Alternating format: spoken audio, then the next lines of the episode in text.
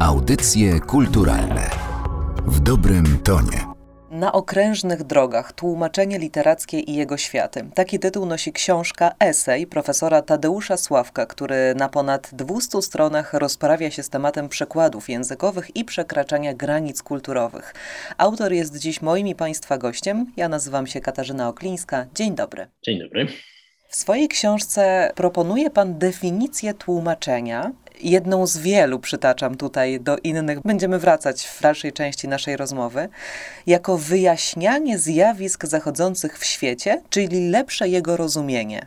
To bardzo szeroka i filozoficzna definicja tego pojęcia. O, tak mi się wydaje, że ta mała książeczka, bo panie tak zapowiedziałem ją groźnie na ponad 200 stronach, ale to jest mały format, więc niech to trochę złagodzi państwa osąd. To nie jest żadne opus magnum. Ale wracając do Pani pytania, no, ta książka powstała z chęci, po pierwsze, zrozumienia pracy tłumacza, który zazwyczaj często tak jest, że on ginie za swoim autorem. I poniekąd to jest jego wielkie szczęście, bo jak ginie ze swoim autorem, no to znaczy, że dobrze wywiązał się z zadania, bo na ogół jest tak, że często takim potocznym osądem tłumaczenia jest to, że to się dobrze czyta w języku już, na który to przetłumaczono, prawda? Więc właściwie ten tłumacz tak się dobrze wywiązał, że popełnił trochę akt samobójczy w gruncie rzeczy, prawda? Ale to jest taka dziwna profesja. Więc tak trochę chciałem pokazać tego tłumacza, na czym polega jego praca, na czym polega wkład, nie tylko na znajdywaniu właściwych odpowiedników słowa, ale przede wszystkim na próbie zrozumienia nie tylko samego dzieła, ale w ogóle zrozumienia świata, w którym to dzieło funkcjonuje i i w ogóle tak mi się wydaje, że ta, ta myśl się pojawia w tym tekście parokrotnie. Nie jest to zresztą moja myśl, od razu mówię, ale trochę starałem się usprawiedliwić tą książkę tą myślą. To jest myśl wywodząca się od Jacques'a Derrida, który powiedział kiedyś, że tłumaczenie to jest najpoważniejsza sprawa. No i ja zresztą zaczynam od takiego zdania publicystycznego, które mówi, ile tłumaczom zawdzięczamy. Prawda? I to na tym poziomie takim najbardziej marszowym, czyli po prostu udostępniają nam tekst, który bez ich udziału byłby dla nas niezrozumiały, ale także na takim poziomie głębszym, że oni pozwalają nam zrozumieć inną kulturę, że pozwalają nam także zrozumieć, jak bardzo skomplikowany jest nasz własny język, o którym my myślimy, że go tak bardzo dobrze znamy, a to nie jest do końca prawda. No więc taka byłaby generalnie motywacja, już kończąc to, ten pierwszy wątek, to myślę, że motywacja też była taka, żebyśmy tej wielości języków, w których żyjemy, które czasem rzeczywiście stawiają nas w kłopotliwej sytuacji, ale żebyśmy tego nie traktowali jako dopust Boży, jako karę. Ja myślę, że to trzeba docenić jako poniekąd wielkie szczęście, że to mamy taką różnorodność i że te same słowa, te same zjawiska, słońce, księżyc, śnieg, deszcz, są nazywane w tylu różnych dźwiękami, tylu różnymi słowami, tylu różnymi znakami, bo przecież też są rozmaite alfabety i skrypty. Więc ja myślę, że to tłumacze pozwalają nam docenić różnorodność świata. Stawia Pan też tezę, że różne języki to możliwość konfliktu, bo prowadzą do braku możliwości rozmowy, jeżeli tych języków się nie zna, a więc do braku możliwości zrozumienia się nawzajem, zaprzyjaźnienia i życia w zgodzie. To prawda. Gdzieś tak e, nawet, nie wiem, czy to w książce jest już wspomniane, czy, czy też, bo nie wszystkie przecież uwagi się w niej zmieściły, ale gdzieś ktoś powiedział, że całkiem liczne były sytuacje, w którym dyplomacja tłumacza, który zorientował się szybko, jak bardzo niedyplomatyczne w cudzysłowie było stwierdzenie polityka, którego miał za zadanie tłumaczyć, jak bardzo taka przytomna interwencja, która potrafiła złagodzić dane sformułowanie, mogła zapobiec, no jeżeli nie konfliktowi, bo to może dużo powiedziane, ale mogła załagodzić pewną możliwość pewnych tarć czy, czy zatargów. Więc ja myślę, że to jest tak, że tłumaczenie, oczywiście my w tej książce mówimy o tłumaczeniu literackim, proszę pamiętać, to jest troszkę inna sprawa. Tłumaczenie takie na żywo, symultaniczne, zwłaszcza w takich stresowych sytuacjach, jak na przykład tłumaczenie polityków, to jest jeszcze zupełnie inny przypadek, ale generalnie te dwa przypadki, i literatura, i takie tłumaczenie na żywo, one spotykają się w jednym słowie, które się nazywa odpowiedzialność. Prawda? I to jest odpowiedzialność nie tylko za to, co się tłumaczy, ale także na to, jakim tonem to się tłumaczy, jakim językiem to się tłumaczy, z jakiego rejestru wybiera się słowo, bo można wybrać różne słowa, można powiedzieć terrorysta, ale można powiedzieć na przykład e, bojownik o sprawę, prawda? I to i wybór tego słowa wszystko zmieni, więc... Ale czy ten wybór należy do tłumacza? Wybór w jakimś sensie należy do tłumacza, jeżeli jest tłumaczem w pewnym sensie odpowiedzialnym za No, duże słowo, ja wiem, no ale powiedzmy go, odpowiedzialnym za świat. No dobrze. Jeszcze jedno tłumaczenie, to znaczy definicja tłumaczenia, słowa tłumaczyć. Tłumaczyć to uświadomić sobie heraklitejską naturę wielopostaciowego, wielojęzycznego bycia.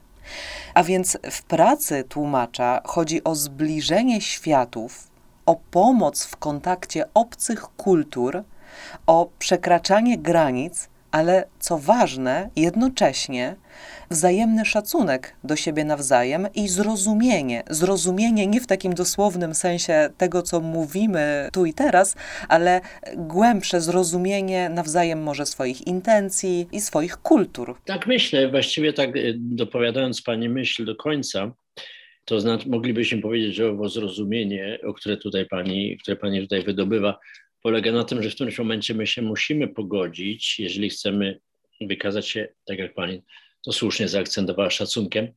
Więc w naszym dążeniu do zrozumienia tego tekstu, my się, czy jakiegoś zachowania wypływającego z innej kultury, my się musimy pogodzić z sytuacją, że żeby ów szacunek wykazać i zachować, możemy się natknąć na konieczność właśnie spotkania z czymś, co jest niezrozumiałe dla nas.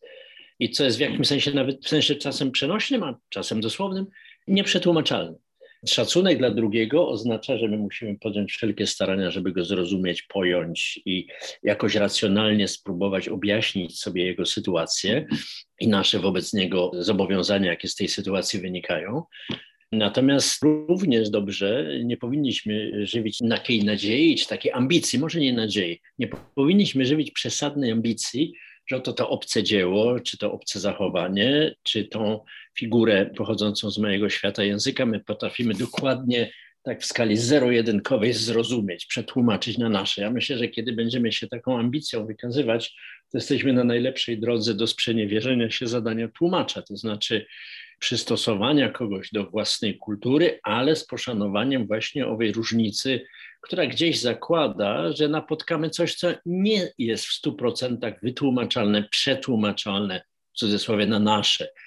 Więc gdzieś wysiłki tłumacza mające na celu zrozumienie dzieła, i to są wysiłki oczywiste, i on nie może się z nich zwolnić, ale znam to z osobistego doświadczenia, i na pewno nie tylko ja. Rzecz jasna, one gdzieś może największą satysfakcję przynoszą wtedy, kiedy człowiek musi w którymś momencie zrezygnować i powiedzieć, że to dzieło, to zachowanie, ten człowiek, tamta kultura gdzieś zachowują takie ziarno tajemnicy, które jest, pogódźmy się, jest dla nas niedostępne gdzieś w gruncie rzeczy. W swojej książce porusza też pan profesor od początku temat pomieszania języków i oczywiście wychodzi od wieży Babel, która zresztą jest na okładce książki i to chyba nikogo nie powinno dziwić. Rozproszenie języków rozumie pan profesor jako karę i szansę jednocześnie, czyli widzi w tym głęboko ukryty sens. Tłumacz musi być kimś łączącym różne kultury, to o czym powiedzieliśmy, kimś bez kogo nie poznamy literatury różnych języków i bez kogo nie uświadomimy sobie, sobie, że różnice kulturowe są wartością. To jest to, o czym pan profesor przed chwilą powiedział. I wydaje mi się, że teraz jest ten czas, aby wyjaśnić, czym różni się tłumactwo od tułactwa. No tak, to tłumactwo to jest takim ciekawym pojęciem, które zresztą nie jest moim wymysłem, broń Boże, ale które znajduję u Lindego, w słynnym polskim słowniku Bogusława Samuela Bogusława Lindego, do którego warto, warto sięgać. Tak nawiasem mówiąc, to Oczywiście słowniki to jest ta podstawowa matryca pracy tłumacza. Natomiast no, warto też sięgać do słowników, które przypominają nam historię zakodowaną w danym słowie, ponieważ my często używamy słów w ich obecnym znaczeniu, co jest nieuniknione i nie ma w tym żadnego grzechu, ale dobrze sobie jest przypomnieć, że w tych obecnych znaczeniach da się wysłyszeć echa znaczeń, które już odeszły, a które kiedyś były znaczeniami być może nawet podstawowymi, ale dzisiaj stały się już tylko takimi odcieniami, przypomnieniami, więc dobrze sięgać także i do starych słowników, więc to tłumactwo pochodzi od Lindego. Obie strony spójrzmy, czym się różni tłumactwo od tłumaczenia i od tułactwa, więc najpierw to pierwsze. Oczywiście mówię teraz bardzo roboczo i z pewnym wyczuciem autodystansu i mam nadzieję ironii wobec samego siebie. E, znaczy wobec tłumaczenia różni się tym, że tłumactwo dopuszczałoby, a nawet cieszyłoby się tymi możliwościami pojawiania się miejsc, w których tłumacz musi powiedzieć nie rozumiem. I musi w pewnym sensie zaryzykować swój własny wybór, zaryzykować swoją własną decyzję, w oparciu o pewne dane, które na pewno zgromadził, ale właściwie takiej stuprocentowej pewności jeden do jeden to on, to on nie ma. Natomiast wydaje mi się, że w takim obiegowym znaczeniu tłumaczenie właśnie gdzieś spodziewalibyśmy się tłumaczenia takiego przekładu typu 1.1, więc tłumactwo by się różniło tym, że ono dopuszcza a nawet cieszy się, czy znajduje taką specjalną satysfakcję w takich miejscach, gdzie to jeden, jeden jest zakłócony i pojawiają się rozmaite inne odcienie, rozmaite inne warianty. Natomiast czym się różni od tułactwa? Ja myślę, że jest bardzo bliskie tułactwa, ponieważ ono bardzo ceni sobie taką przelotność i prowizoryczność naszej egzystencji w ogóle. Prawda? To znaczy zasada tłumaczenia jest taka, żeby oczywiście przyswoić coś na swojej kulturze i swojemu językowi, ale jednocześnie, o czym już Pani zresztą wspominała poprzednio w naszej rozmowie, jest to, żeby nie przetłumaczyć wszystkiego na gwałt na nasze, żeby tego obcego nie uczynić naszym w taki sposób agresywno-imperialny, tak powiedzieć. Prawda?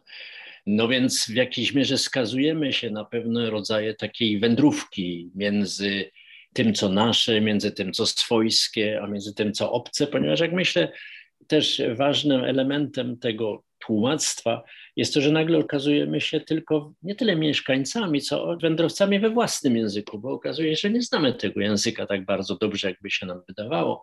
I że w związku z tym ten język ojczysty nie jest ani wcale taki ojczysty, prawda? Tylko ma różne naleciałości. Ani nie, nie jest też tak bardzo swojski, jak wspomnieliśmy, drzemią w nim pewne znaczenia, które dzisiaj wydają się nam może archaiczne, wydają się nam może już nieaktualne, ale które przecież szalenie potrafią ubarwić tekst współczesny, więc tyle, ale podkreślam jeszcze raz, że to tłumactwo to zawdzięczamy Lindemu i, i warto do tych starych słowników sięgać. Zachęcam również, dołączam się do tych słów.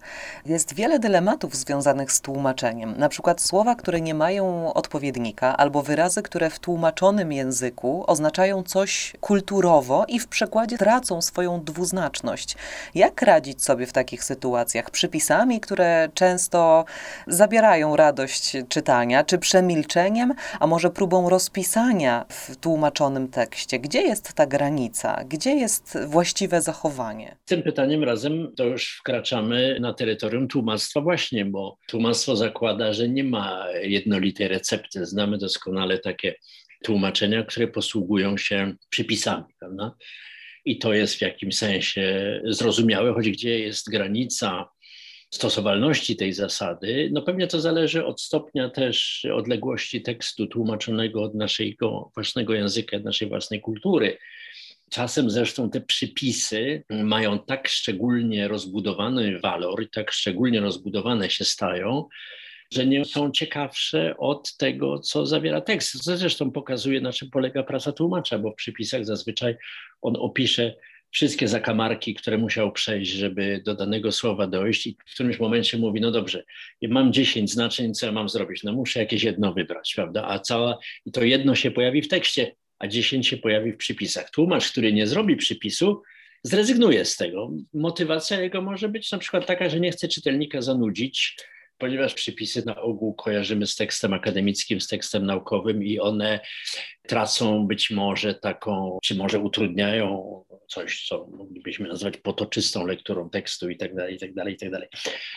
Więc wydaje mi się, że tutaj bardzo trudno jest znaleźć takie złote wyjście i właśnie dlatego tłumactwo polega właśnie na na takim poczuciu ryzyka, które tłumacz musi ponieść. Jest jeszcze jedna rzecz, że czasem możemy mieć do czynienia z tłumaczeniami tekstów, które niejako są już dla nas przetłumaczone, bo na przykład co ma zrobić tłumacz, który nagle tłumaczy tekst, w którym pojawiają się biologiczne nazwy, botaniczne, fachowe nazwy roślin, prawda? No więc tak, on może albo zostawić nazwę botaniczną, która jest po łacinie, albo może ją przetłumaczyć. No i tu jest znowu dylemat. Przykład tłumaczenia pani Małgorzaty Łukasiewicz, tłumaczki bitnej, która kiedyś miała taki tekst do tłumaczenia. No i mówi, no tak, niektóre z tych nazw łacińskich mają przepiękne polskie przekłady, odpowiedniki, przepiękne poetyckie. Chyba jedno z tych dziwnych chyba owadów nazywało się Krasnopani. No więc pięknie, po prostu rozkosz dla tłumacza. Ale inne z tej samej listy miały okropne, czysto naukowe, więc przepraszam, że mówię okropne, nie powinienem, ale estetycznie nieatrakcyjne nazwy, w rodzaju jakichś bardzo skomplikowanych nazw. No i co tłumacz ma zrobić w tym momencie? Wydaje mi się, że część takiego przekazu tej książki, o której Pani już poświęca tutaj czas byłoby właśnie zwrócenie uwagi na tego rodzaju sytuacje. Oczywiście tutaj nie ma żadnej jednorazowej odpowiedzi. Ja bym się nigdy nie poważył, żeby komukolwiek radzić, jakie ma wyjście wybrać z sytuacji.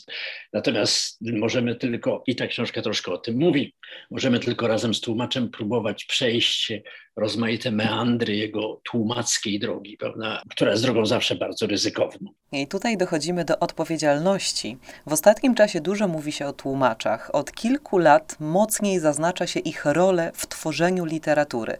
Tłumacze dostają nagrody, słowem są bardziej doceniani, takie odnoszę wrażenie.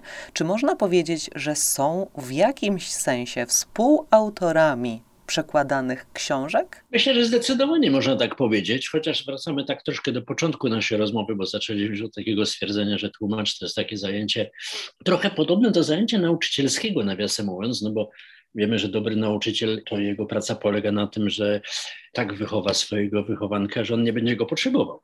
Nauczył go żyć, krótko mówiąc, prawda? Więc ten nauczyciel jest mu potem do niczego w cudzysłowie niepotrzebny.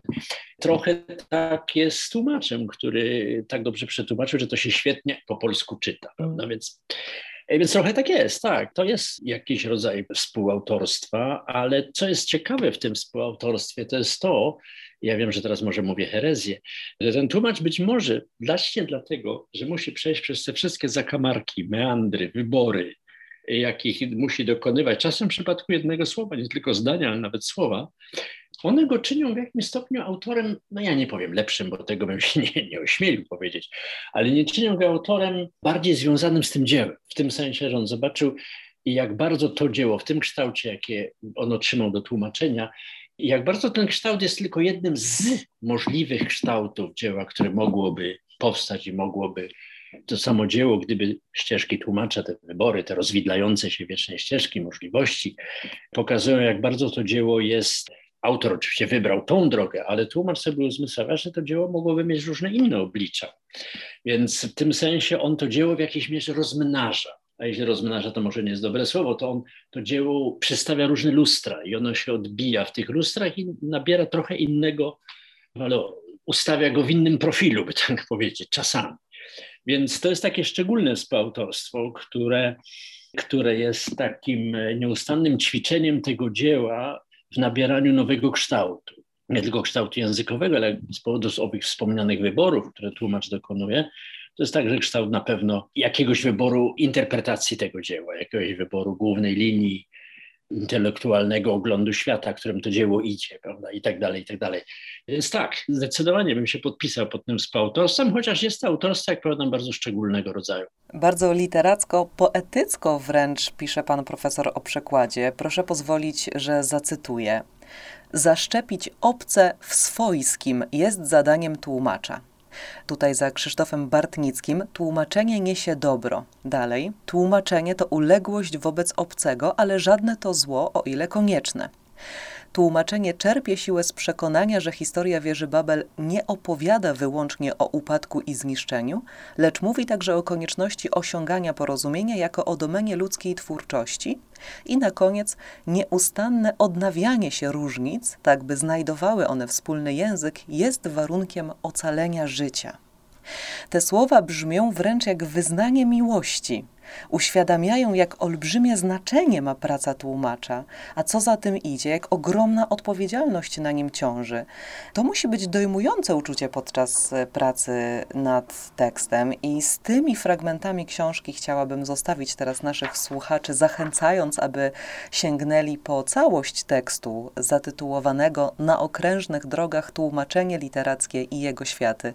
Autorem tej książki, eseju jest profesor Tadeusz Mateusz Sławek, który był dzisiaj moim i Państwa gościem. Bardzo dziękuję za to spotkanie. Ja bardzo dziękuję Pani, dziękuję Państwu, dziękuję za zaproszenie. Audycje kulturalne w dobrym tonie.